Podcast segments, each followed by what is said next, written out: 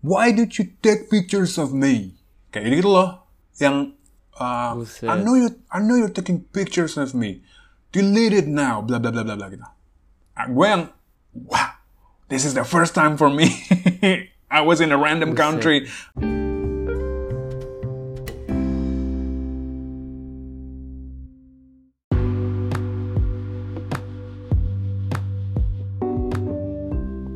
Halo semuanya, selamat datang kembali di Bersegi Pandang. Um, udah dua minggu jeda. Kayaknya gue nggak akan melakukan opening seperti ini lagi deh next time karena gue nggak selalu bisa menjamin bahwa kita akan konsisten setiap minggunya lagi. Jadi gue akan Ya. skip bagian minta maaf karena tidak konsisten um, postingnya.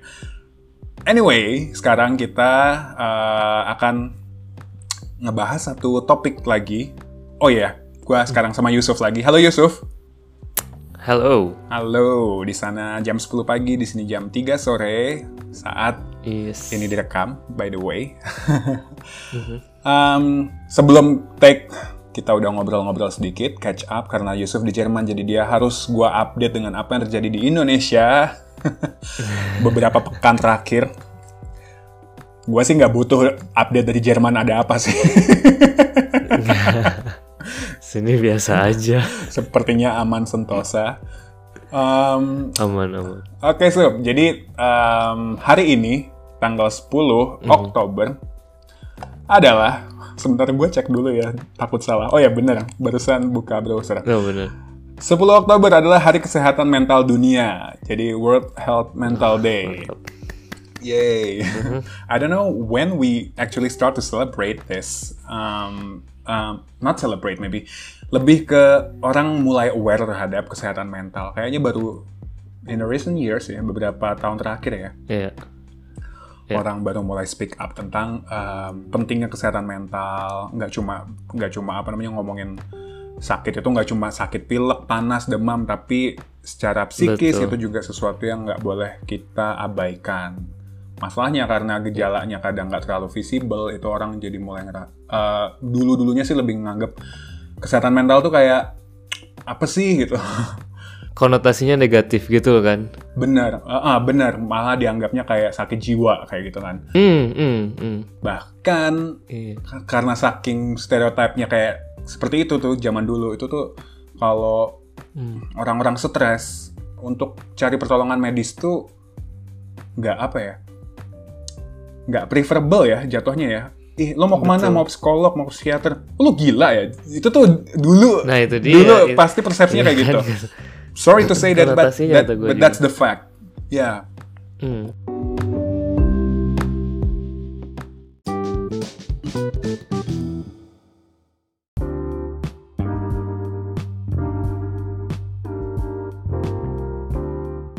Anyway, kesehatan mental.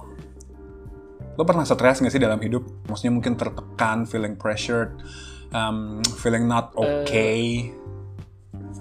Y- Yes, depressed. I would I would say depressed. Yes, and tapi kalau gua ini sih ada em, namanya burnout. Lu pasti tahu kan Hmm, burnout kan. ya. Nah ternyata burnout itu I would say 10 tahun terakhir baru diindikasikan sebagai salah satu indikator stres juga katanya, depresi juga. Hmm, Karena em, lu banyak kerja, itu pun nggak cuman kerja kayak kuliah, belajar juga itu bahkan bisa burnout juga. Dan itu bawaannya ke lu jadi bad mood gitu kan, banyak jadi mudah capek dan ternyata itu salah satu eh, mental illness juga. Dan em, malah di Eropa udah diakuin kalau misalkan lu burnout katanya, lu bisa take eh, eh, leave terus bisa ke dokter atau nggak ke psikolog ah, langsung dapet terapi juga nah gue pernah ngerasain tuh mhm. ketika banyak banget kerjaan dan gue ngerasa kayak jadi lu tuh bukan capek karena capek nggak ada energi ya cuman kayak capek luar dalam Ya. itu loh kayak di pikiran. meskipun lu iya nah itu dia capek di pikiran itu kan. Dan kalau depresi kayak beda depresi tuh kayak emang lu bener-bener sedih atau ada angernya juga. Nah ini padahal cuman capek gara-gara kerjaan tapi bener capek di dalam pikiran. Mhm. dan ternyata itu burnout. Dan itu nggak banyak orang tahu. Biasanya mereka yang bilang ah mungkin ini emang gua overthinking gitu kan. Atau misalkan emang gua emang lagi capek gitu. Hmm. dan ternyata itu salah satu indikasi burnout juga. Kalau lu gimana lu gue um, gue lumayan apa ya lumayan concern sama isu mental health ini karena gue pernah ngerasain di kondisi yang um, sebenarnya gue nggak terlalu tahu apa yang terjadi saat itu karena gue nggak pernah sampai ke ke hmm. psikiater atau psikolog sampai mendapat hmm, hmm. penjelasan yang secara sains itu seperti apa uh, ibaratnya apa ya fonisnya apa apakah itu sudah di taraf depresi atau apa itu gue nggak pernah tahu yang right. gue tahu hanya apa yang gue rasakan saat itu uh, hmm. pernah ngerasa yang rasanya tuh kesepian banget sendirian banget um, right. kayak ngerasa nggak pernah cukup ngerti nggak sih jadi yang Uh, hmm. Ada masa hmm. di mana gue tuh selalu secara pribadi berpikir gue sudah melakukan banyak hal, tapi kenapa gue nggak ngerasa cukup baik ya gitu. Um, yeah. Gue nggak merasa cukup mendapat apresiasi misalnya dari orang sekitar, gue ngerasa kesepian, hmm. gue ngerasa berjuang hmm. sendiri, hal-hal kayak gitulah. Yang gue nggak tahu pemicunya secara clear tuh apa gitu. Iya, Even yeah. habis yeah. pergi kongko sama teman-teman, nongkrong sama teman-teman, happy happy happy saat itu begitu masuk rumah kamar itu gue gloomy lagi yang apa ya ada ada masa di mana gue kayak gitu um, zaman mm -hmm. tepatnya sih kayaknya kuliah ya gue pernah merasakan itu. Dan to be honest this is the first time maybe I I, I expose myself like this. Tapi gue sampai yang uh, nangis kayak gitu. Beneran. Sampai nangis kayak kayak apa ya uh, kalau di kalau orang ngelihat mungkin kayak kalau ngelihat ya karena gue nggak pernah yang eh pernah sih. Setelah dipikir-pikir. Yeah. gue pernah kayak breakdown di depan sahabat gue soalnya. Jadi ada beberapa yeah, orang yang yeah. tahu saat gue breakdown at that time itu kayak gimana. Dan wow wow wait wait a minute. When I'm explaining this it's like recalling back all the memories and it's quite hurtful. Tapi wow. yeah and I don't realize that it's still haunting me. Tapi ya waktu itu tuh kayak ngerasa kayak, ya, kayak sesak nafas hal-hal kayak gitu Suf jadi yang Hmm. Uh, tahu tahu tahu tahu. Dari pikiran sampai ke sampai akhirnya menunjukkan uh, gejala-gejala uh, apa istilahnya ke badan gitu ke fisik. Tapi gue nggak pernah sampai ke hmm. medis, nggak pernah sampai mencari pertolongan psikiater, psikolog gitu. Gue hanya apa ya let let it went through dengan apa ya sama teman-teman, yep. kemudian apa um, gue bersyukur maksudnya pada saat itu gue ada orang-orang terdekat gue yang mau mau mendampingi gue uh, dalam artian apa ya istilahnya saat lo ngelihat orang terdekat lo breakdown itu tuh kayak it's very unusual kan Yes. Uh, yes. Kemungkinannya satu jadi oh wow I need to stay away from this guy. I need to watch out.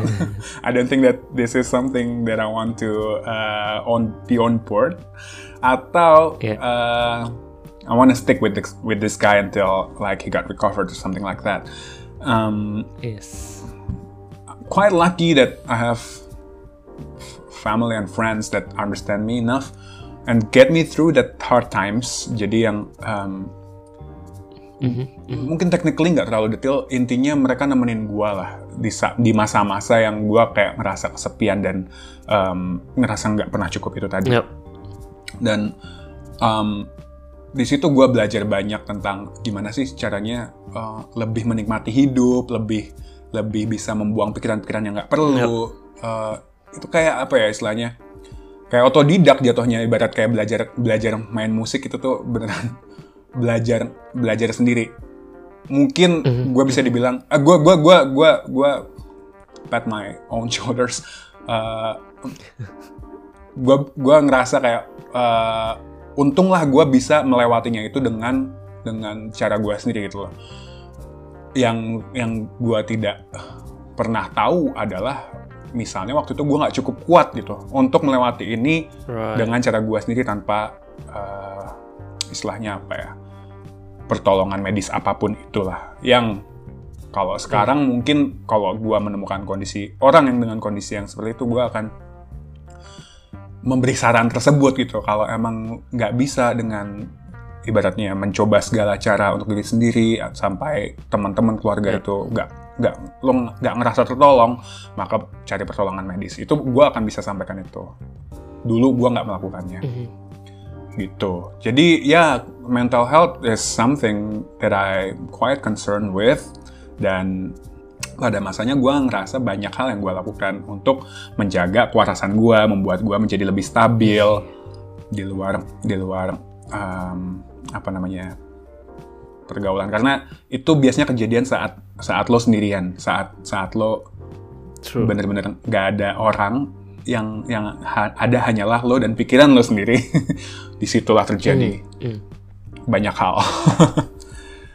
gitu. Betul. Tapi gue merasa udah ngelewatin masa itu sih harusnya. Karena udah berapa tahun ya gue lulus kuliah, hmm, udah hampir 10 tahun.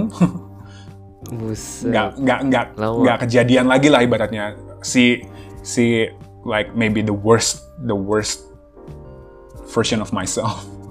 itu yeah. nggak, nggak, nggak muncul lagi ke permukaan. That's right. for me. itu dalam dalam 10 tahun itu berarti lu kayak ada ininya dong self remedy gitu kayak ada hmm. obatnya sendiri gitu uh, apa menurut lu yang bikin ini ya mengobati gua itu dari um, lulus kuliah kan 2011 ya habis itu sempat ambil master itu 2011 ke 2012 itu masih yeah. di Semarang um, itu masih kadang beberapa saat masih ngerasa kesepian. Padahal punya pacar, punya sahabat, punya hmm. keluarga, tapi itu muncul. Akhirnya gue selalu merasa gue harus harus pinter-pinter menyibukkan diri sendiri atau mengalihkan istilahnya apa ya? Kalau kalau ibaratnya bibit-bibit pikiran jelek itu muncul, gue harus bisa cepet-cepet switch gitu, harus cepet-cepet alihkan kayak gitu. Right. Ya jatuhnya dengan hobi gitu, jatuhnya dengan apa ya hal-hal yang bisa membuat gue terdistract gitu tapi in a good way itu terdistract dan gue happy menjalan uh, dengan distraksi yeah. tersebut gitu. Um, banyak hal ya ini mungkin kita nyambung sama topiknya. Uh, gue tadi ngobrol sama Yusuf gue pengen ngomongin hal-hal yang membuat kita uh, menj bisa menjaga kewarasan kita gitu hal-hal yang bisa membuat kita happy lah at least gitu jadi gue gua yeah. banyak yang gue lakukan mulai uh, hobi gue yang nggak pernah hilang adalah fotografi. Gue mm. tahu lo juga suka mm. fotografi. We will talk about that yeah. more. Um, tapi ada masanya di mana gue juga bosen ambil foto gitu dan nggak setiap waktu bisa nggak bisa setiap waktu bisa motret jadi hobi yang lain mm. uh, muncul sambil jalan mungkin jatuhnya bukan hobi ya tapi gue suka mencoba banyak hal yang kemudian akhirnya gue nemuin oh gue suka nih melakukan ini gitu. Yang nggak mungkin hilang itu fotografi sama musik buat gue jadi uh, yeah. I run a lot to music. Every time I feel um, not okay. Even though pas oke okay juga gue larinya ke musik sih. Cuma saat saat uh, berada di kondisi-kondisi yang gak enak itu gue juga larinya ke musik. Either itu dengerin musik atau bermain musiknya. Gue pernah di masa gue nyobain uh, main hobi merakit Gundam. Itu hmm. pas pindah ke Jakarta, gue sendirian, gue kayak gua butuh menyibukkan diri apa lagi ya. Karena makin kerasa kan saat lo masuk dunia kerja, teman-teman lo kerja, lo hmm. nggak hmm. punya, maksud kita kita ini nggak punya waktu lagi gitu loh untuk eh nah, nongkrong yuk gitu. Uh, gue samperin ya gitu. Udah udah nggak bisa kayak gitu kan. Masing-masing udah makin sibuk. Hmm. akhirnya gue harus mencari kesibukan apa ya ini akhirnya ngerakit uh, beli Gundam ngerakit Gundam. Itu ada mungkin setahun dua tahun. Terus uh, nyobain ke convention convention uh, mainan atau anime. Yeah, jadi yeah. I tried random stuff to be honest. Jadi yang gue pergi ke konvensi apa sih ada game dan uh, Jepangan kayak gitu yang orang-orang cosplay mm. gue datengin mm. kayak gitu jadi yang and it, it made me happy at that time kan gue feel feel a lot of new things uh, experiencing Yes. new things. It's similar with traveling, right? Traveling juga Hmm. itu cukup membantu untuk untuk menjaga kita refresh karena kita benar-benar terdistract dari rutinitas harian. Betul. Apalagi ya, hmm, as simple as nonton TV sama nonton film sih, itu paling simple bagi gua. Uh, and it makes me happy. Gue gue setuju Hmm. banget sih. Dan ada satu uh, pada masa itu yang benar-benar menolong gua itu How I Met Your Mother sama Friends. Jadi gua Hmm. gua suka banget ngikutin series itu waktu itu pada zaman itu. Friends sih udah lama ya dari zaman kita SMP kali ya Friends itu. Tapi gua nonton nonton Kalau lu ber- SD. Uh, uh, udah lama banget di 90-an. Tapi gue nonton Friends berulang-ulang. Uh, ya itu, jadi intinya gue harus mendistract pikiran gue uh, dengan melakukan hal-hal tersebut gitu. Supaya akhirnya ke switch. Jadi nggak mikirin yang jelek-jelek lagi, tapi Right. uh, akhirnya mikirin wah ribet nih main apa gitar atau piano atau wah lucu tuh nonton nonton Friends atau How I Met Your Mother atau film apa pun itu. Atau ya going out take photos something like that. That's what I did. Still doing that. Jadi banyak men- menyob- mem- me- me- mencari kesibukan lah kuncinya bagi gua. Kalau lo gimana? Hmm. Sebentar, gua gua salut sama lu yang bisa trying random things gitu. Kalau gua tuh gua kayaknya orangnya Pisces gitu ya kan. nggak bisa gua. Jadi contoh lah ambil kecil kalau ada satu restoran yang gua suka banget gitu ya. Itu tuh gua nggak akan pernah nyoba yang sebelahnya atau enggak yang yang di deketnya lagi gitu. Enggak. Jadi gua selalu kalau udah nemu yang satu yang enak, gua selalu ke situ. Gua nggak bisa misalkan diajak eh ke sana yuk. Iya, it- gua mikirnya kalau ke restoran yang baru harganya pun sama, gua takut nggak enak. Ah, Udah di sini aja yang udah safe gitu kan. nah itu gua itu itu contoh kecil gitu ya. Contoh besarnya pun kalau dalam hobi juga sama. Em, jadi gini awalnya, awalnya tuh gua mungkin dari dari kecil kali ya. Em, gua tuh dibiasain sendiri. Jadi kalau ditinggalin di rumah sendiri gitu. Jadi I would say loneliness tuh kayak kayak gue tuh udah ngemaster gitu. Gue tuh udah bisa kayak misalkan kalau nggak ada apa-apa nih ya di di ruangan ini nggak ada TV, nggak ada internet itu gue bisa, gue bisa nggak nggak harus kayak yang stres itu anjing nggak ada nggak ada nggak ada nothing to do gitu kan. Gue yang stres banget nggak. Gue bisa, gue bisa kayak gue harus nunggu dua jam di ke- stasiun kereta juga gue bisa. Gitu. Jadi udah gua masterin tuh loneliness tuh. Dan dengan cara apa gitu kan? Gua ngemaster ini loneliness dan ternyata ini gua eh, nemu cara ini dari kecil. Gua tuh selalu apa ya kayak menikmati surroundings gua gitu. Jadi kalau gua ngelihat ke langit pun gua itu bisa kayak dua jam tiga jam gue bisa. Jadi nah dalam apa ya kayak finding beauties around me gitu kan nah itu gue enjoy banget malah. Jadi gua, ah, nah dari situ kayak misalkan dulu eh, waktu kecil gue selalu dibawa misalkan keluar kota gitu kan. Em, kalau nyokap bokap yang ngobrol di mobil gitu gue bisa ngelihat keluar gitu ngelihat pemandangan. Itu gue enjoy banget. Dan gue malah kayak yang apa ya kayak nostalgic gitu kan jadinya jatuhnya. Dan itu pun sampai gua gede sekarang pun gitu kalau gua eh, pergi kerja naik kereta gitu itu gua nggak baca buku gua nggak lihat HP gua paling cuma ngelihat ke jendela gitu ngelihat eh, pemandangannya oh lihat tuh rumahnya Wait. beda gitu kan. Really? Yes kayak gitu. Seriusan? Gua, malah gue paling paling anti kalau gue harus ngelihat HP atau nggak baca buku gitu nggak nggak bisa malah. Kalau misalkan mau baca buku atau No. main HP itu paling sebelum tidur. Serius. Jadi gue tuh orangnya kayak gitu. Jadi eh, really menikmati apa yang gue ini gitu surrounding gue saat lo tadi kayak di jalan uh, commuting atau pergi naik kereta atau apa pun itu melihat keluar yang lo pikirin apa? Yang gua pikirin itu eh, bener-bener in the momennya aja gitu. Kayak bisa gua ngelihat itu ada orang yang lagi jalan gitu kan atau nggak ada yang mobil atau lihat rumah gitu. Itu gua perhatiin gitu. Hmm. dan gua emang living the momennya aja gitu kan jadi gua nggak mikirin apa-apa. Jadi apa yang gua pikirin yang stres sebelumnya tuh nggak ada. Gitu karena gue emang ada di situ gitu kan. Dan itu work gitu. Jadi dari kalau misal gue nih ada ada banyak kerjaan atau enggak agak agak stres gitu kan gue ah ya udah jalan aja keluar gitu kan. Ambil jalan kalau enggak pergi ke, ke kota yang sebelah itu kan cuma 15 menit atau 10 menit gitu kan ke sana jalan-jalan. Dan itu emang hmm. jadi bikin forget gitu karena emang gue ada di sana. Sementara problem gue ada di rumah gitu. Kan pas udah emang refresh gitu kan balik lagi ke rumah oke okay, udah. Kita selesain masalahnya. Eh sorry sorry. Bukan ngelamun ya berarti ya kalau ngelihat keluar atau... oh bukan.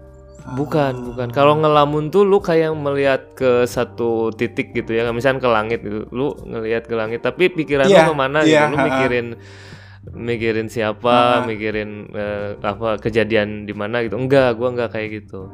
Gua malah kayak uh, in termsnya kayak observasi gitu. Iya, yeah, iya. Yeah. Kayak lagi motret yeah, gitu mungkin kayak, ya jatuhnya.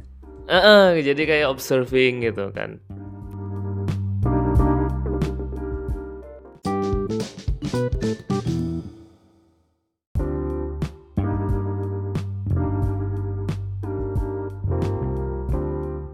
Nah, pas gua pindah ke hmm. Eropa itu terus punya iPhone 4 kalau nggak salah itu tahun 2013 2014 tuh yang booming Instagram pertama itu kan yang emang orang-orang udah kayak uh, dulu sih masih 2011. kayak masih eh, private 2010. nah iya 2011 kan emang emang ah, emang meluncur kan kan hmm. oh boomingnya iya 2013 2000. karena karena Android betul uh, boomingnya Benar. Uh, 2013 2014 tuh udah booming soalnya si Instagram ini udah enggak dipakai buat selfie. Ah iya. Orang-orang ya. udah jarang bener, banget, bener, bener, udah jarang banget ini selfie. Karena mereka mikirnya kalau mau selfie ya lu di Facebook aja gitu kan. Nggak usah di Instagram. Jadi udah kebanyakan orang-orang nggak nggak kayak memperlihatkan apa ya, I would say diri mereka nya gitu loh I mean of course itu pun aku belum gua belum belum pernah lihat kayak influencer malah mm-hmm. pada waktu itu kayak yang misal lifestyle belum. influencer itu belum belum begitu ada lebih banyaknya foto, malah yang benar-benar pure fotografi kan nah yeah. ada temen yeah. gua ngomong kayak gini nah lu kenapa tinggal di Eropa nggak ngambil foto gitu kan ke satu ya gue nggak terlalu bisa ngambil foto kata gue hmm. kan. Eh nggak apa-apa coba aja pakai HP katanya oh pakai HP eh. terus ini ada ada app itu bisa pakai preset itu. Gue diajarin seriusan gue diajarin itu. Ah kata gue pakai preset itu jadi makin bagus warnanya dan sebagainya kan. Nah dari situ awalnya mulailah. Jadi ketika gue lagi ngobservasi sekitaran gue gitu kan kayak lagi di kereta atau nggak lagi jalan gitu. Ya gue ambil lah tuh foto apa yang gue emang oh ini tertarik gitu kan oh ini bagus gitu gue ambil lah foto. Nah dari situ mungkin jatuhnya kayak street fotografi kali ya. Nah dari situ bro gue jadi yeah, mulai yeah, ah yeah. oke. Okay. ya yeah, benar. Gue ngerti gue ngerti. Nah paham katanya kan. Jadi kayak emang kenapa enggak kayak apa namanya um, selagi nyelam minum air gitu. Kenapa pas lu enggak kayak uh -uh menikmati suasana di luar lu ambil aja fotonya oh ya bagus juga kata gue dari situ hmm. tapi gue masih kayak newbie gitu kan gue emang tahu hmm. nih gue mau ngambil foto apa gitu kan tapi yang belum ngerti apa itu kayak um, shadows gitu kan hmm. komposisinya kayak gimana apakah ada mataharinya cahayanya dan sebagainya kontrasnya kan tapi dari situ gue jadi kayak learning juga sih kayak lu gitu learning by doing juga sih oh ya kata gue ini kurang bagus itu terus gue ngelihat of course kayak orang yang suka foto pasti ngeliat referensi yeah, kan yeah. ke orang lain juga kan ada punya stylenya masing-masing gitu terus kan kalau lu bilang orang lain punya style lalu style lu apa gitu kan dari situ juga oh iya juga nih hmm. kayaknya harus hmm. kayak mengeksplor diri gue sendiri juga dari situ gue juga ada oh mungkin style gue lebih ke kayak ada moodnya gitu kan kalau matahari ada yang agak lebih ke kuning kuningnya gitu kalau misalnya black and white yang agak lebih kontras gitu terus aja kayak development gitu mm-hmm. itu seru sih soalnya mm-hmm. ketika gue hunting foto dulu udah udah ada bahasa hunting foto tuh tahun 2014 2015 yeah. agak lumayan ini mm-hmm. uh, bisa sih gue kayak misalkan udah melupakan ketika gue emang agak agak stres atau agak I would say nggak nggak lonely sih sebenarnya. Cuman kayak um, kayak gue tuh ah asa ada yang ada yang kurang gitu. Kayak lu gitu kan. Kayak ada yang kurang hmm. kayak belum um, satisfied itu sama yang gue punya. Dan gue bisa lupa ketika gue moto gitu bro. Ya lu kayaknya sama ya kayak gue ya? happy-nya kalau atau gimana kalau kalau dapat foto yang bagus langsung wah gitu. oh, iya. masalah masalah hilang rasanya Betul, betul. Apalagi kalau dulu emang lagi ada banyak likes itu kan. Dan hmm. itu emang gua akuin sih itu likes itu bikin kayak ada um, semacam hormon ke otak lu ya. ada. ya ketika uh. lu banyak dapat likes itu bikin somehow happy. Dan itu bener tuh, yeah. itu itu yang serotonin itu kan. Gua kemarin nonton Social Dilemma di Netflix. Uh, iya, gua juga nonton. Menarik banget sih itu next time yeah. gue pengen ngomongin tentang sosial media sih sosial media buat kita buat generasi kita dan mungkin ke depannya mm. another mm. another topic uh, will be very interesting ngomong-ngomong tentang fotografi Definitely. tentang fotografi iya gue um, menikmati apa yang lo barusan deskripsikan saat di jalan yeah. um, mengobservasi sekitar itu gue suka gue suka style tersebut gitu. Mm. Makanya gue tadi penasaran um, saat lo tidak melakukannya, saat uh, saat lo mengobservasi tanpa eh bahasa gue gimana sih saat, saat lo melihat sekeliling lo pas lagi nggak motret itu tuh apa yang lo pikirin itu yang gue cukup surprise karena gue melakukannya yeah. melakukan observasi itu hanya pas biasanya um, benar-benar saat lagi motret gitu kalau pas nggak lagi motret lagi jalan itu gue gue terhitung cukup cukup observan, cukup aware dengan hmm. uh, oh di sana lagi ada pekerjaan pembangunan, oh di sana lagi ada mbak nunggu ojek atau hmm. gimana itu gue gue biasanya aware karena gue membandingkan biasanya sama bini gue kalau lagi jalan itu biasanya gue yang hmm. lebih lebih lebih cepet notice sesuatu. Iya. Yeah. Um, yeah. Tapi sering kali gue itu ngelamun jadi yang sambil ngelihat keliling itu tuh semacam apa ya semacam membangun dialog dalam mungkin bukan ngelamun ya, lebih membangun dialog misalnya uh, itu orang lagi ngantri itu dia pesen makan apa ya itu mbak-mbak di situ lagi iya, jaga, jaga kasir itu hmm. dia kira-kira uh, hari, hari ini tokonya laku apa enggak ya kayak gitu loh so hmm. jadi pikiran hmm. gue tuh hmm. suka um, terlalu banyak terlalu banyak apa ya muncul nggak tau per, apakah itu pertanyaan atau itu imajinasi yang yeah. kadang too much. I don't know if that's good or not, tapi kalau dibawa pas motret itu tuh menurut gue lumayan membantu gitu yang apa uh, mm. oh ini menarik oh uh, apa ya situasi ini menarik situasi tersebut menarik ada ada momen-momen yang akhirnya jadi jadi lebih apa ya istilahnya jadi lebih peka sama momen gitu uh, kebiasaan-kebiasaan tersebut itu dulu sebelum yang seperti lo bilang zamannya Instagram mulai mengarah ke apa namanya fotografi. Yeah. Gue dari dulu suka motret sebenarnya dari SD gue dibekelin kamera. Kamera apa sih? Right. Fuji film tapi kamera two style kalau kalau zaman dulu bilangnya. Mm. Style yang pakai mm. roll film hmm. tapi yang udah otomatis gitu lah, bukan yang pakai lensa 35 gitu. Betul. Tapi two style.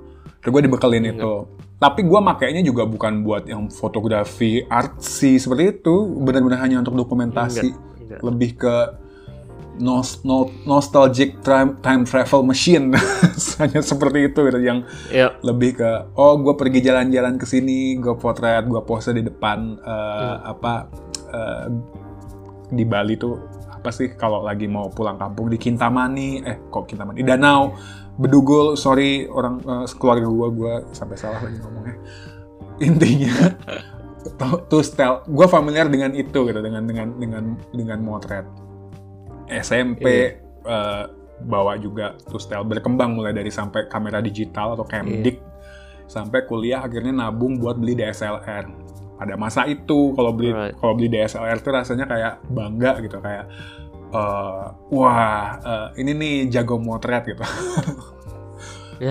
ada perasaan kayak gitu jadi sering apa dapat kejatahan jadi seksi dokumentasi lah yang gitu-gitu karena hmm. lo punya kamera kan kamera lo kayaknya bagus deh lo jadi seksi dokumentasi ya kayak gitu yeah. damn it gue suka sih motret gitu tapi ya udahlah uh, okay. Ya it- itu selalu selalu berkembang em, tapi nggak pernah punya genre atau karakter atau style tertentu gitu loh Suf. pernah yang nyobain foto Right. makro yang apa ada serangga di daun depan rumah gua potret dengan lensa lensa kit itu kayak bisa nggak sih nih bisa dipakai nggak Ya. sih buat motret makro kayak gitu terus eh, motret panggung ada konser itu gue juga. Motret random sekali. Em, motret mainan toy fotografi itu juga gue cobain. Sampai akhirnya di Instagram itu yang mulai kayak kata lo bilang banyak inspirasi ya mungkin jatuhnya ya. Kayak Yep. wah eh, ini True. dia keren ya. Eh, terus lumayan konsisten em, stylenya. Hmm. nggak cuma dari segi tone warna atau apa istilahnya eh, preset atau apalah itu Iya. nggak cuma itunya tapi lebih ke bisa dibilang genre, style atau objek-objeknya itu tuh oh khas gitu jatuhnya. Jadi punya niche Betul. apa istilahnya niche tertentu. Betul. Jatuhnya jadi lebih menarik. Gue sempet bikin eh, punya akun yang benar-benar untuk travel. Lo lo, lo nggak nggak sih kalau di pada masa itu 2014 2015 mungkin lebih tepatnya itu ada niche-niche eh, anak-anak IG alam yang yang nature-nature gitu. Ah, iya, ada iya. kan? Tahu tahu tahu tahu tahu. gue pernah di situ maksudnya di di kayak mengambil keputusan oh kayaknya gue uh, niche-nya atau genre-nya alam nih karena waktu itu gue banyak karena pekerjaan gue banyak traveling ke uh, luar lah gitu ke ke ke karena Iya. project lingkungan kan jadi banyak ke yang apa Hmm. ke alam-alam gitu sampai akhirnya gue selesai dari project tersebut gue nggak ke alam-alam lagi bro dan dan dan apa ya gue ngerasa gue faking myself karena gue nggak se se Right.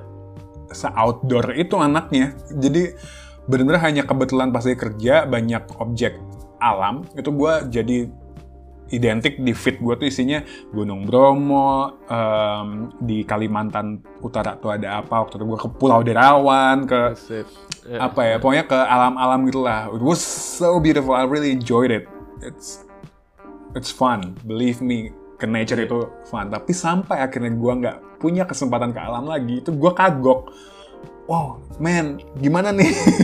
Jadi ada perasaan kayak waduh eh, Instagram gue eh, maksudnya gimana gue menyelipkan foto-foto gue gue rasanya udah membangun sesuatu itu kayak terancam hmm. ah man ini Hmm. gimana ya gitu dan akhirnya gue switch ke everyday life akhirnya ke ke Hmm. ke fotografi yang emang gue bisa temuin sehari-hari jatuhnya mungkin nggak yang 100% street sih karena objek-objek dalam rumah atau pas lagi ke cafe gitu ya ambil juga. Iya. jadi lebih ke what whatever that makes me feel like taking pictures aja. Jadi yang gue ngerasa itu cakep deh. Gitu. Hmm. ya gue gua gua ambil fotonya.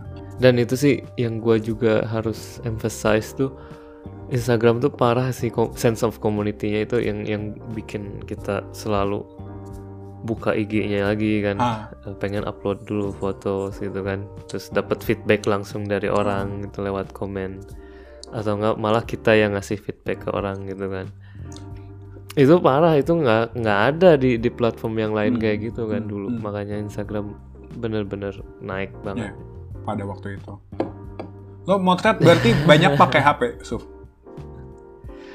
Gua malah ya I would say 95% pakai HP. Gua malah baru beli DSLR DSLR tuh tahun 2019 kemarin. oh beli DSLR akhirnya Itu ya itu pun juga bukan beli sih kayak dikasih hadiah. ah nice Heeh. Nah, jadi sebelumnya emang emang pure iPhone. Gua malah bilang ya gua emang pengen konsisten pakai iPhone terus kan dari dari awal Ya, sampai ya. gini. Pa- paling eh, enggak deh, sorry 2018 nih waktu gua punya DSLR tuh hadiah, bukan 2019. Ah. Soalnya gua sempet bawa tuh DSLR ke Lisbon ke Portugal Hmm. dulu pas em, traveling sana kan. Enak sih asik sih cuman ya ada bedanya juga sama iPhone. Mhm. iPhone tuh enaknya langsung moto kan, Ya, cekrek ya. gitu kan. Nggak usah lu harus bawa kamera gede gitu Ya. langsung bisa di di mana pun gitu. Tapi kalau enaknya DSLR ya ada depth-nya, ada lensanya bisa uh, lebih zoom kan, ada ini. Mhm. Plus and minus. But the thing is that maupun fotonya bagus banget atau biasa aja, momennya itu loh yang lebih penting. Ya. Lo itu menurut gua. salah satu eh, fotografi trip atau apa ya fotografi momen yang paling lo cukup memorable pas kapan atau foto yang foto yang seperti apa yang lo tangkap dan lo ngerasa waktu itu foto itu jadi memorable buat lo Oh. Wah. Questionnya parah banget. Em, banyak ya kalau kata gua sih di Brussels Hmm. dulu ada pernah gua gua satu foto bagus banget soalnya jadi ada mataharinya tuh sore banget kan jadi lagi bener-bener em, terang banget terus di depan gua tuh ada dua orang lagi pegangan tangan Hmm. dan karena langsung ada matahari di belakang mereka kan eh di depan mereka sorry gua di belakang mereka jadi langsung ada shadownya gitu loh Hmm.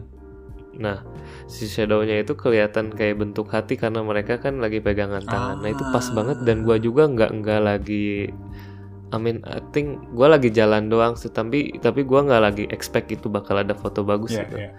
dan ketika gua lagi nyadar eh ternyata bagus juga tuh di depan gua langsung gua kan pakai iPhone. Ah, di, But- ditangkep lah. that's the beauty of um, taking photographs the with with style like we Hmm. do right the unexpected things the unexpected result yang muncul uh, Yes. wih jadinya bagus nih gitu karena padahal itu momen yang mungkin miss Banget. beberapa detik itu hilang gitu atau cah udah nggak kayak Mm, gitu udah nggak kayak itu lagi bener I think that's the beauty of taking pictures aslinya Hmm. dan dan malah jangan salah loh ada juga momen di mana gua nggak bawa HP atau gua nggak bawa kamera terus gua ngelihat ada nih gua waktu itu kayaknya lagi di Prah ya gue inget di Prah terus gua lihat ya agak hujan juga dikit gerimis terus ada bis kan. Nah di dalam bis itu ada cewek lagi duduk terus cahayanya bagus banget terus kelihatan dari luar gitu kan. Kata gue ini kalau misalnya ada ada ada ada HP gue gue foto bagus nih. Nah, ada juga momen kayak gitu yang yang kayak eh, terlepas begitu aja Ah, dan kayaknya iya, gue kalau iya, waktu itu iya. dapat foto itu bagus nah gitu juga ada benar benar benar benar antik sih Gua yang gua inget itu beberapa yang memorable adalah saat gua being outside, habis itu ada yang tiba-tiba pose di depan gua, pose min- Hmm. minta difoto. Maksudnya nggak kayak nggak kayak nggak explicitly ngomong mas mas tolong fotoin saya dong, nggak kayak gitu. Tapi beneran kayak tiba-tiba he knows or she knows that I'm taking pictures and then they were just like posing. Itu kan gue langsung pastiin orangnya oh yeah you want a picture? Then I take one for for you. Jadi itu yang gue inget tiga kali. Yang pertama itu di Sri Lanka. Sri Lanka itu tiba gue lagi after conference itu gue jalan kaki menuju ke hotel. Itu gue ngelewatin pokoknya ada tuh gue nggak tahu ya dia tuh apakah polisi setempat atau kayak satpam karena pakai seragam. Pakai seragam tapi kayaknya bukan polisi sih kayaknya udah tua banget lebih lebih ke security lah mungkin. Itu tiba-tiba dia kayak pose pose uh, yang petenteng petenteng uh, tolak bertolak pinggang itu dan fierce. Mu- mukanya fierce. Pertamanya gue kaget. Ya. Uh, eh ini gue mau diapain? Nih kayak gitu loh. Negeri orang kan. Ternyata dia kayak kayak apa namanya mukanya tuh uh, nunjuk-nunjuk dagunya tuh loh kayak diaju-ajuin ke kamera gue kayak hmm, hmm, kayak gitu. Ah picture gitu. Gue ambil fotonya terus gue tunjukin. Gue nggak kepikiran sih waktu itu kayak gue kirim ke email lo atau gimana karena ap- apa ya nggak ekspektasi mungkin dia mau fotonya atau enggak dan juga kayaknya waktu itu gue sumpah nggak kepikiran waktu itu. Tapi gue tunjukin ke dia kayak pengen are you happy with this? Ya. good, good. dia nggak ngomong sama sekali kayak cuma semuanya bahasa tubuh ngasih jempol. Hmm. itu gue seneng banget dan I really like the results of the picture. It it was a random guy but I love it. Karena karena uh, I mean like he- all the composition is right. Terus di Polandia pernah juga ada nenek-nenek gitu juga. Jadi gue lagi jalan ke tempat conference gue sambil motret-motret. Uh, terus ada nenek-nenek tiba-tiba kayak waving to me kayak dada-dada gitu. Gue kan bingung ya dia nged- ngedadain siapa? Literally gue nengok ke belakang. Ah nggak ada orang terus terus dia kayak cuma ngangguk-ngangguk ke gue sambil senyum. Terus gue ngomong dong eh, you you want me to take a picture of you? gitu. Dia cuma ngangguk-ngangguk lagi gitu. Gue potret lah. Maksudnya gue takutnya gue tiba-tiba ngambil foto ternyata gue salah mengartikan kan. Hmm. gue ambil fotonya terus gue tunjukin. Terus dia cuma persis kayak yang waktu di Sri Lanka itu dia langsung senyum dan ngasih jempol. Eh nggak ada yang Sri Lanka dia nggak senyum deh mukanya galak banget soalnya. Tapi baik hati. Kalau yang si nenek-nenek Polandia ini bener-bener senyum mukanya ekspresinya bagus banget. Udah gitu doang dia lewat lewat aja gitu. Jadi gue wow that was random but I'm happy gitu. terus yang di Indo pernah di uh, ini uh, deket apa istilahnya yang di Jakarta uh, deket pecinan ada pasar gitu. Uh, deket petak sembilan. Nah, deket situ ada juga dagang rokok. Kalau itu dia bener-bener kayak uh, langsung pose gitu doang. Gue langsung mau difoto bang? gitu.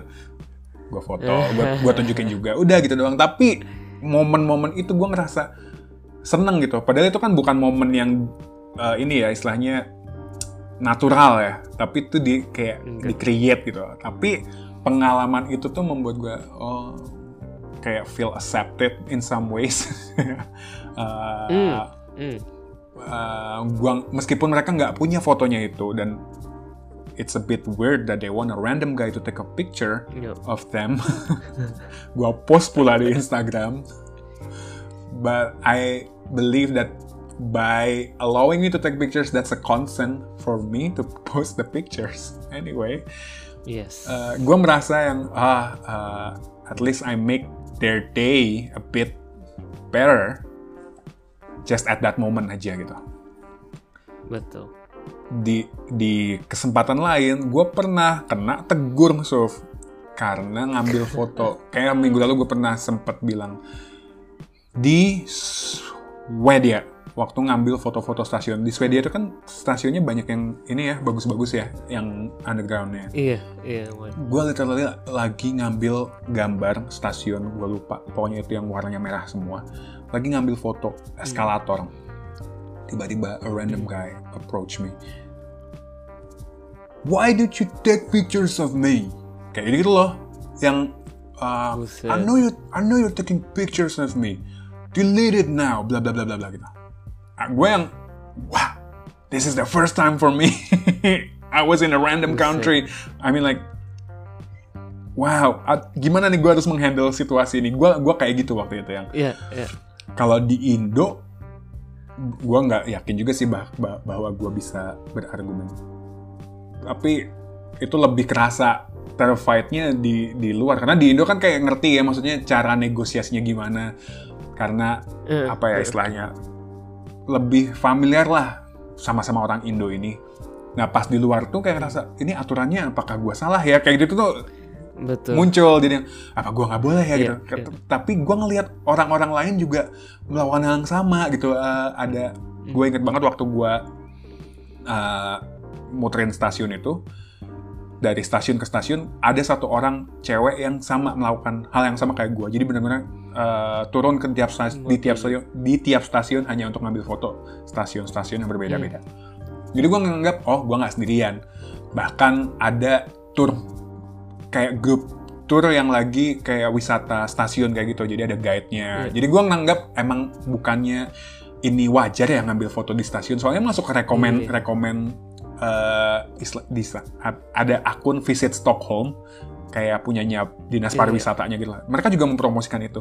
Jadi gua sempat mikir eh ini nggak boleh ya moto stasiun ya? Emang gimana sih? Padahal gua nggak motret dia bro. Maksudnya nggak kayak untuk specifically motret si orang ini. He, he just happened to pass by. Hanya kebetulan lewat. Terus gue tunjukin ke dia you can take a look to my camera and if you're not happy with this I can delete it now dia nggak mau dia nggak mau lihat I don't care delete it delete it gitu wow, this guy is crazy. I think. Iya. Hanya satu orang itu doang. Kayak orang marah-marah, kayak wah itu doang sih pengalaman yang membuat gua apa ya mood gua lumayan ngedrop waktu itu kayak ah damn padahal gua masih mau muter jauh tapi ya udah whatever gue lanjut lagi aja Hmm. Gitu itu salah Untuk sih itu beberapa interesting experience for me gue belum pernah sih kayak gitu. Tapi kayaknya bete juga kalau bete banget tadi. Heeh. Itulah kejadian Oh, man. ya it's, it's bener fotografi ngebantu. Kalau balik lagi ke topik yang pertama gitu kan, Hmm. eh, mental illness. Em, salah satu hobi yang karena kalau orang ngomong hobi kan, kenapa sih bisa jadi hobi? Karena kalau hobi tuh kalau Hmm. lu ngelakuinnya sering dan tanpa ngerasa capek, itu berarti sesuatu yang lu suka gitu kan. Jadi kan tergantung volumenya juga kan. Ya. Gua motret banyak Mhm. foto yang udah jadi dan itu pun juga bikin gua terus kayak keep on going gitu, doing that. Hmm. I think it can be considered my hobby even more kayak. Tapi kalau misalkan considered buat untuk jadi mata pencaharian, for example gitu, kayaknya enggak, gua nggak Ya. begitu pro gitu. Ya. Itu sih. Cuman Ya, emang kalau dari hobi, kalau untuk menikmati sense of aesthetic gua gitu kan, dari perspektif gua, Hmm. ya gua salurin sih ke situ ke, ke Instagram gua. Gitu bro. Iya, kalau lu juga sama kan Benar. sebenarnya jatuhnya. Bener, karena menurut gue itu gue consider hobi karena gue melakukan itu di saat waktu luang gue gitu atau di saat gue pengen refreshing. Gue pernah sampai Betul. di taraf motretin orang eh, mungkin nggak nggak di taraf profesional ya tapi maksudnya beberapa temen gue approach gue untuk minta dipotretin sebagai preweddingnya mereka. Benar-benar sahabat gue benar-benar orang-orang terdekat gue ada yang minta maternity shot kayak gitu. I'm more hap more than happy to do that. I did that karena gue ngerasa I'm at some point I'm capable of doing that hanya untuk dokumentasi pribadi mereka gitu loh.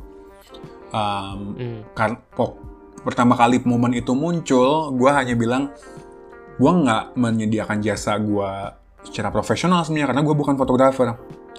Gue Iya. hanya suka motret gitu. Nggak apa-apa bro. Gue suka lihat foto-foto di Instagram lo dia ngomong gitu ke gue nah terus gue kesepakatannya gini berarti kalau gue bantu bantu ngedokumentasiin lo buat priwet lo ekspektasi lo adalah apa yang lo lihat di Instagram gue. Jangan sampai ekspektasi lo adalah ke fotografer-fotografer profesional yang gue nggak bisa deliver itu gitu. Iya bener, gue pengen foto-fotonya kayak yang di Instagram lo. Oke, deal. Gue mau bantunya, bantuinnya. Karena be- beban dong kalau ibaratnya gue niatnya pengen bantu, tiba-tiba temen gue kayak over ekspektasi misalnya kayak gitu. Jadi gue Iya. berusaha untuk menyamakan dulu ekspektasinya gitu. Gue cuma dibayar makan bareng habis itu eh, makan hana masa makan all you can eat gitu and I'm happy gitu jadi kemudian beberapa Iya. teman gue yang lain pun melakukan apa maksudnya minta tolong ke gue jadi bener-bener eh, mungkin nggak yang profesional banget gitu tapi Iya. I'm a bit proud happy that I can help my friends with the thing that I'm quite confident with dari sekadar hobi gitu tapi ternyata gue main ke rumahnya tiba-tiba ngelihat eh, apa istilahnya foto yang gue ambil itu dipajang di rumahnya itu tuh kayak wah that's something bagi gue yang bukan fotografer Sense of achievement. sense of ya. achievement Hmm. sampai akhirnya ada orang kantor gua yang lama orang kantor lama gitulah mesti udah nggak sekarang lagi approach gua juga untuk minta dipotretin dan dia mau kayak eh gua bayar gak gitu? Eh mbak gua nggak bisa pasang tarif gua nggak nggak nggak ngerasa apa ya istilahnya. Ya itu tadi gua nggak ngerasa gua fotografer profesional kayak gitu. Sampai akhirnya nggak apa-apa gak Eh, aku bayar. Aku nggak mau kalau nggak bayar kayak gitu. Mungkin karena kita nggak deket-deket banget ya cuma eh, akhirnya dia daripada enak nggak enak kan maksudnya mungkin bagi dia lebih nyaman untuk ngasih ngasih kompensasi kayak gitu. Akhirnya gue nanya ke teman gue yang eh, main di Instagram dan juga gue tahu dia bisnis gitu fotografi as a bisnis Hmm. pasarannya berapa ya gitu gitu nah, akhirnya ya udah gue pakai patokan eh, maksudnya yang the lowest benchmark lah gitu supaya nggak kesannya gue matok harga yang aneh-aneh udah gue mbak kalau dari teman-temanku yang motret ini pasarannya segini cuma beneran aku nggak matok harga segitu. Bebas. Bebas senyamannya Mbak. udah akhirnya eksekusi. Jadi kayak gitu sih jatuhnya. Fotografer as a, fotografi as a hobi tapi saat mungkin ada yang mau kom- apresiasi lebih more than happy to do that as as long as I'm comfortable with that. Karena gue nggak mau menjadikan hobi ini jatuhnya jadi beban yang apa ya gue nggak bisa enjoy lagi gitu loh Iya, iya. apa ya maksudnya ya bener-bener kayak emang emang dilakukan saat pengen aja emang gue lagi Betul. pengen motret nih sama kayak gue lagi pengen main gitar nih gue lagi pengen beda sama kayak musisi yang gue harus belajar main gitar karena besok gue manggung kayak gitu atau Iya, beda. gue harus invest lensa ini karena ini akan membantu gue saat gue motret prewedding atau saat gue motret outdoor. Nah, kita kan, eh gue ya at least itu nggak ke sana gitu jatuhnya yang just wanna take pictures whenever I feel like it gitu aja. And that's Yes. that's something that I call a hobby. And it Ya, masuk main game, main game juga kan maksudnya yang sekarang game jadi profesi kan, game jadi e-sport e-sport. ah, kayak gitu. Hmm.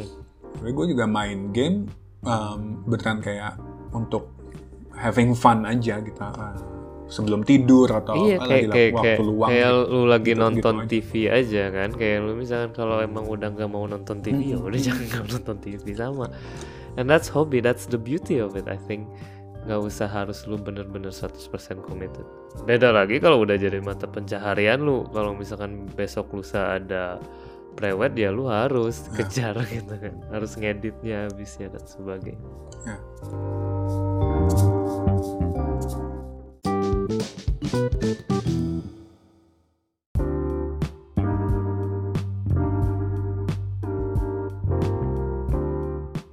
That's nice right Iya. to have a hobby Iya. Tapi kadang ini nggak sih ngerasa nggak sih saat kita ngejalanin hobi itu ya ada momen-momen stressfulnya juga. Misalnya kayak ngambil foto abis itu, misalnya hunting nih foto hunting, tapi abis itu kayak ngerasa hmm, it didn't turn out well atau nggak ada foto yang terlalu memuaskan. Atau kayak hobi mancing nih misalnya ada orang yang suka hobi mancing, abis itu dia tangkapannya nggak banyak pada hari itu. Jadi menurut gue itu juga it's a beauty of hob, uh, doing your hobby gitu lah. Karena nggak selalu ya nggak selalu in the same in the same level of satisfactory gitu kan saat kita Eh, melakukannya. nggak selalu happy ending Nggak yes. selalu happy ending. yes yes But it it it, Ya, amin. it it is successful to distract your mind dari masalah-masalah yang sedang lo hadapin. Karena saat Oh, lo yes. stres nih sama kerjaan, habis itu gue mau mengalihkan ke mancing misalnya. Habis itu yang lo pikirin stresnya bukan kerjaan tapi stres anjir gue nggak dapet dapet nih ikannya kayak gitu. Jadi itu benar-benar ngedistract Iya. dan itu menurut gue something that is good to consider if you're having a bad day atau stressful days. asli asli Hmm. malah kan ada juga yang yang bilang shopping tuh hobi juga katanya jadi setelah stres kerja langsung pergi shopping kan dan ternyata pas lagi shopping barang yang dipengen nggak ada itu Nah. jadi lebih stres lagi eh, eh gue punya cerita lucu loh. Gue pernah, gue kenal senior gue. Senior gue beda berapa angkatan ya? Kayaknya 6, 6 tahun atau 7 tahun gitu. Kebetulan kita kemudian kerja bareng di beda lembaga, tapi kemudian jadi kayak institution partners gitu loh. Kemudian ada Ya. satu hari di mana habis meeting pokoknya dia stres gitu lah. Stres habis itu dia baru ngaku, gue kalau stres belanja gak? Cowok, kocak banget. Lo tau gak kemarin habis meeting yang susah gitu kan? Ribet banget gue stres tuh. Gue mampir ke mall ini gue beli sepatu. Terus besoknya gue bilang gue ngapain beli sepatu ini ya? Tapi itu tapi itu pelariannya dia. Dia katanya kalau stres tuh dia belanja impulsif. Bener-bener yang Belanja, iya. nggak nargetin Impulsif. apa tapi yang ke mall habis itu gue pengen beli ini habis itu puas tapi besoknya. Iya. Besoknya besoknya mikir baru mikir anjir gue ngapain gua?" ngapain? Gue sama sih punya itu gue cuma I have to say I have it. I'm sorry but I know it's, it's bad. Tapi itu bener kalau emang bener kayaknya sama lah kayak temen lu kalau itu emang bener-bener udah stresnya emang level tinggi sih. Kayak abis bener-bener meeting yang stressful banget baru larinya ke shopping. Kayak lo pengen mem- memuaskan kayak- diri gitu kan sih? Iya nggak sih? Iya aslinya jadi kayak ini tuh gue udah kerja keras gitu kan, gue udah dapetin uang masa gue nggak dibelanjain. nah itu jadinya tuh di situ itu bahaya. As long as we're happy, I think that's the point. ya, tapi bahayanya itu kalau terlalu impulsif bahaya Iya. banget sih, makanya a little bit ya. relax dulu. Eh. Harusnya ini sih, harusnya yang kayak gitu tuh punya bini, jadi ada yang ngerem. Eh, itu yang baru mau gue omongin. Eh, saat kita ngomongin hobi menjadi pelarian untuk bikin kita happy, itu spektrumnya lumayan luas karena ada Iya. hobi yang mungkin jatuhnya bikin stres karena beban finansialnya. Banyak hobi yang nggak murah masalahnya. Ada sekarang Iya. trennya hobi moge misalnya, hobi motor gede itu Iya, ada iya. dan Atau nggak Gundam? Lu kan Gundam tuh mahal itu. pada waktu sedikit. itu. Tapi gua nggak sampai kecemplung sih. Gua eh no offense buat teman-teman yang suka ngerakit Gundam ya. Good for you and if that makes you happy keep doing it. Tapi lagi-lagi gua ingatkan jangan sampai menjadi masalah baru karena finansial. Betul. Ada orang kantor gua yang hobinya sepeda gitu. Sepeda kan Oh, ini ya nggak bisa dibilang banget. murah ya zaman sekarang apalagi kalau lo mainnya yang merek-merek kan nah Iya. itu ada yang gue habis beli sepeda tapi gue bilang ke bini gue itu second atau ada yang lagi bilang gue habis beli sepeda tapi gue bilang ke bini gue itu teman gue nitip jadi ini nih gue cuma bilang bini lo itu terlalu polos atau sebenarnya tahu tapi males males ribut aja sebenarnya Mas ribut. Itu nitip. jadi itu itu beneran keren sih, itu keren sih. hobi itu kadang nggak murah guys Enggak, enggak. kalau Enggak, itu I mean fotografi juga kan itu mahal banget sih sebenarnya. Kalau udah invest kamera dan sebagainya. Tapi juga jarang jadi ini juga gimana mindsetnya juga sih. Kadang orang kalau mikir foto eh, misalkan hobinya fotografi berarti harus punya kamera bagus. Yeah. Itu enggak enggak kayak gitu juga. Sama kayak hobi pengen punya sepeda enggak harus yang awalnya harus beli sepeda yang paling mahal juga enggak kan. Jadi kayaknya harus ada edukasinya juga gitu sebenarnya kalau ini ya eh, level entry levelnya kayak gimana gitu kan. Baru nanti level yang agak profinya kayak gimana gitu. Semua ada level-levelnya. prinsipnya lebih ke kalau lo punya budgetnya uh, ho- Hmm. hobi itu kan tersier ya bagi gua kalau lo punya budget lebih ya udah uh, silahkan aja lo spend money on that gitu tapi kalau sampai hobi mengambil uh, porsi primer lo ada yang salah dari cara lo menjalankan hobi Ada yang ya kan betul. Betul sekali. kalau emang punya duitnya lo Iya. berlimpah Apalagi ya udah silahkan. Mm-mm. Jangan sampai jangan sampai sampai ke bini lu ngomong ini titipan. Udah aja. Sampai jangan sampai gitu aja. Itu bahaya berarti. Aduh, I'm not happy with you, husband, by lying to me. I knew actually. Tapi itu terjadi sih kayak. Kalau gua nggak setelah menikah gua beneran selalu jujur. Kayak mau uh, beli kamera waktu itu yang Iya. uh, aku udah menyisihkan wak- uh, uang segini. Aku target mau beli kamera ini, boleh nggak? itu gue bener-bener menyampaikan. Padahal ya ibaratnya uh, gue gua nabung-nabung sendiri. Cuma mindset gue adalah meskipun itu penghasilan gue, tapi ini uang bareng-bareng gitu loh. Karena gue tuh bukan pria single yang kemudian bebas bebas belanja apa aja. Gue harus mikirin dan gue harus meyakinkan ke istri gue bahwa dengan gue beli ini kita masih bisa Hmm. makan, kita masih bisa bayar ini, bayar itu, Hmm. belanja ini, belanja itu. Jadi aman. Gitu sih. Tapi itu kayak minta izinnya tuh lebih-lebih ke daripada ke nyokap lu ya. Yang iyalah. Kalau dulu nggak minta izin bro, dulu minta duitnya. Nyam itu dulu ya, bener bener bener. Zaman dulu orang tua gue ngedidiknya gini, "Eh, lo pengen itu, lo nabung dulu. Seberapa besar tabungan lo, ntar kita bicarakan. Misalnya perlu ujung-ujungnya ditambahin kayak gitu. Biasanya soalnya momentumnya naik kelas, habis itu gue punya celengan, gue pengen beli apa gini, tapi duit gue kurang, ya udah ntar ditambahin. Tapi dididik seperti itu untuk yang lo nggak bisa eh, dapet Hmm. langsung dari duit gue gitu. Lo juga harus kontribusi. Lo harus tahu susahnya cari duit kayak gitu. Betul. Menarik, Iya, menarik. iya, iya, iya. Oh bener, bagus itu, bagus. Hmm. oh man, that was good, That was good. Banyak hal baru, banyak hal baru dan dan memang kalau punya hobi dan teman-teman yang lain juga punya hobi, I would say bener-bener harus dinikmati sih. Ya, setuju. dan apalagi kalau hobinya memang membantu yang tadi kita bahas itu kan kalau misalnya ngebantu untuk mengurangi depresi membantu ngurangin buat kebosanan kan do it we have to have it Ya, G- gimana menurut lo setuju. Gue akan selalu uh, meyakinkan ke orang-orang sekitar gue, teman-teman gue, kalau lo punya hobi jangan lepasin itu gitu.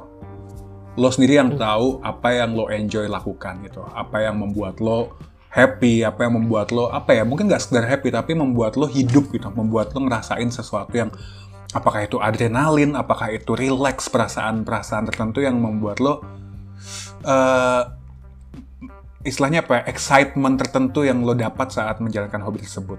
Kalau lo punya ya dan tahu apa-apa saja itu, jangan lo tinggalin, jangan lo lepasin. Misalnya nih sekarang kalian yang dengerin ada yang ngerasa eh, lagi stres atau lagi banyak beban pikiran atau lagi nggak menikmati hidup beberapa waktu terakhir, coba deh pikirin apa sih yang selama ini bikin lo happy, apa sih hobi yang selama ini mungkin lo tinggalin, mungkin lo Hmm. eh, nggak lakukan lagi cukup lama, coba lo kembali de- kembali ke sana gitu, lo temukan lagi. Karena kemarin gue ngeliat teman-teman yang eh, oh lagi banyak di rumah, akhirnya kembali ke hobi mereka yang masak. Akhirnya mereka eh, lebih banyak eksperimen di rumah, masak, mereka mendapatkan kesenangan tersendiri. Banyak juga yang ke apa jadi menciptakan hobi baru, hobi tanam-tanaman misalnya kayak gitu. Hmm, hmm. Ada lagi apa istilahnya terrarium ya. Terrarium itu kayak bikin akuarium yang di landscape uh, di membangun suatu landscape itulah di di level skala tertentu. Macam-macam banyak banget hal yang bisa membuat lo sibuk di saat waktu yang sama membuat lo excited juga gitu loh merasakan hal-hal yang menyenangkan gitu lah. Nah, jangan tinggalin itu menurut gua. Luangkan selalu luangkanlah waktu untuk hobi lo karena itu yang membuat kita eh, menikmati banyak hal dalam hidup. Hmm. Hmm. dan dan gua kalau boleh nambahin nih ya, Mhm. apalagi di di zaman pandemi kayak gini dan em, situasi yang di Indo yang kurang kondusif gitu kalau misalkan hobi lu malah jadi satu peluang untuk menciptakan em, penghasilan gitu kan why not juga Iya, gitu kan Iya.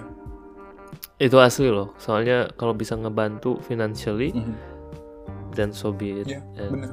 it can help you as well Iya. Bikin cake atau bikin Hmm, jajanan atau apa pun itu, ya macam-macam Begitu loh. Ya intinya. Know, know or understand what makes you happy. That will help you a lot. Yes. Damn, thank you, thank you. Thank you. Jadi pengen ngapain Mantep ya di sini sih. ya?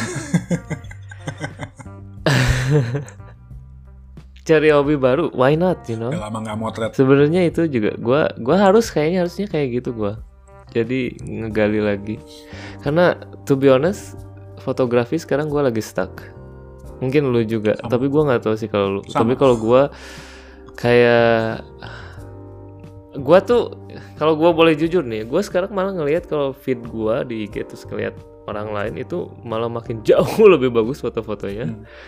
Jauh lebih lebih kreatif, apalagi mereka kan sekarang banyak di IG tuh nggak cuman foto doang Iya, kan, iya. dia bisa ngupload story sama yang Betul. reels itu yang baru kan. Betul. Jadi lebih banyak mediumnya untuk jadi lebih kreatif lagi kan. dan gua sementara ini yang lagi stuck dan lagi juga banyak kerjaan yang lainnya malah ya udahlah mendingan gak usah upload apa-apa gitu. Yeah. kalau ada pun yang paling bagus ya gua upload itu tapi kalau nggak ada ya no, sorry. Jadi kayaknya sekarang gue jadi lebih ke observer aja sih sekarang daripada yang bikin. Gitu. Ah. jangan bilang kalau lu sama juga kayak gua.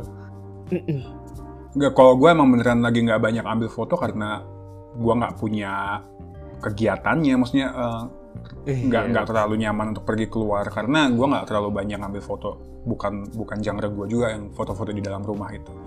Tapi Hmm, hmm. terlepas dari fotografi, kayak yang lo bilang lo nggak banyak apa typically nggak terlalu banyak mencoba hal baru. Coba deh sekali-sekali, karena kadang apa ya ada perasaan excitement mencoba hal baru tuh menyenangkan kadang gitu. Um, I will. I, I, I, I could say that because I've tried so many things to to to Mm. stay or maintain my sanity.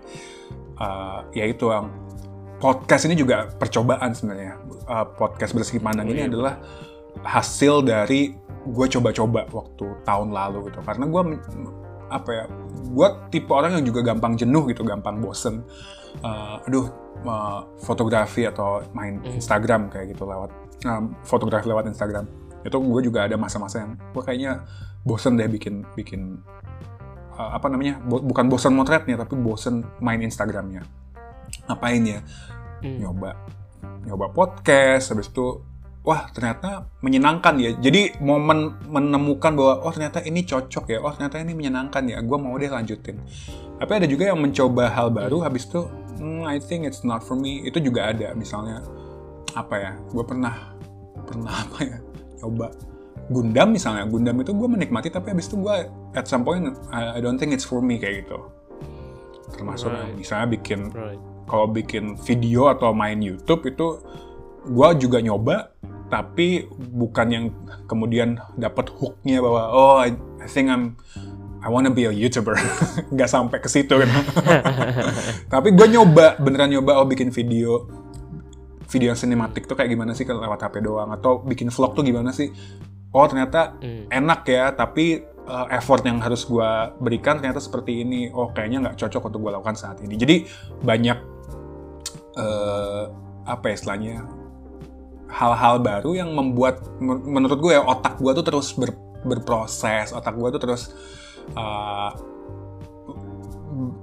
dilatih gitu loh dilatih untuk menemukan situasi uh, menghadapi situasi-situasi baru tuh kayak gimana. Itu. The beauty of trying new things. Understood. yeah if you like it then Ah. continue. I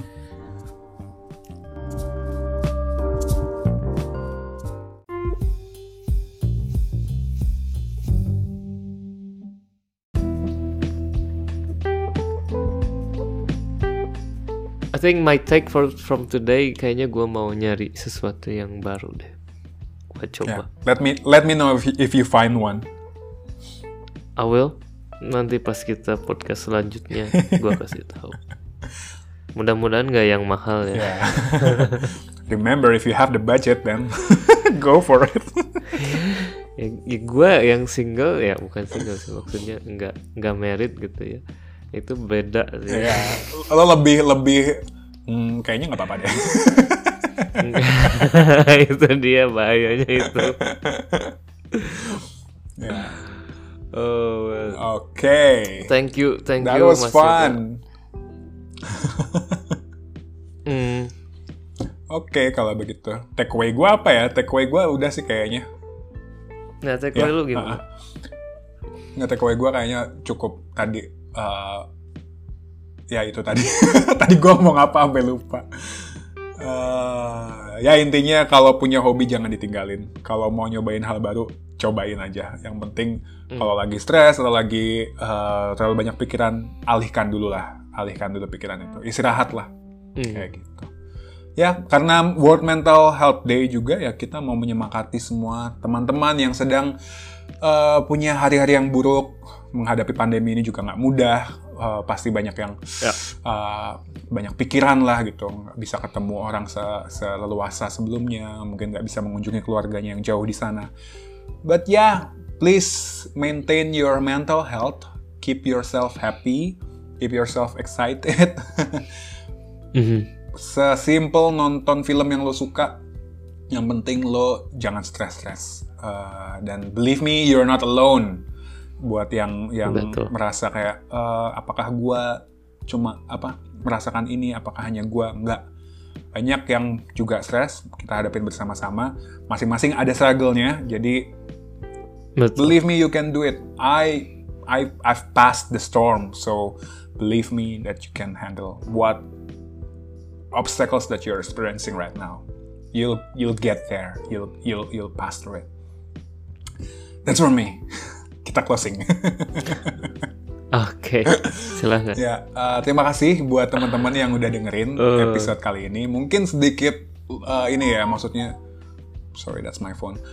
Um, dari mental health habis itu kita ngomongin hobi hobi kita juga kami ya tepatnya cukup spesifik fotografi karena that's uh, the hobby that we share same interest.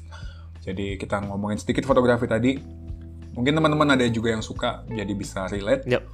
Um, intinya teman-teman um, selalu jaga kesehatan di masa pandemi ini. Nggak hanya kesehatan fisik tapi kesehatan mental juga. Begitulah episode bersegi pandang kali ini. Silahkan dengerin uh, episode-episode sebelumnya yang belum uh, dan stay tune untuk episode berikutnya. Nggak bisa janjiin kapan episode berikutnya tapi we will keep posting. Whenever we feel like it Yes. Oke, that's from us. Saya Prayoga Nyoman. Saya Yusuf. Ciao. Ciao, bye bye.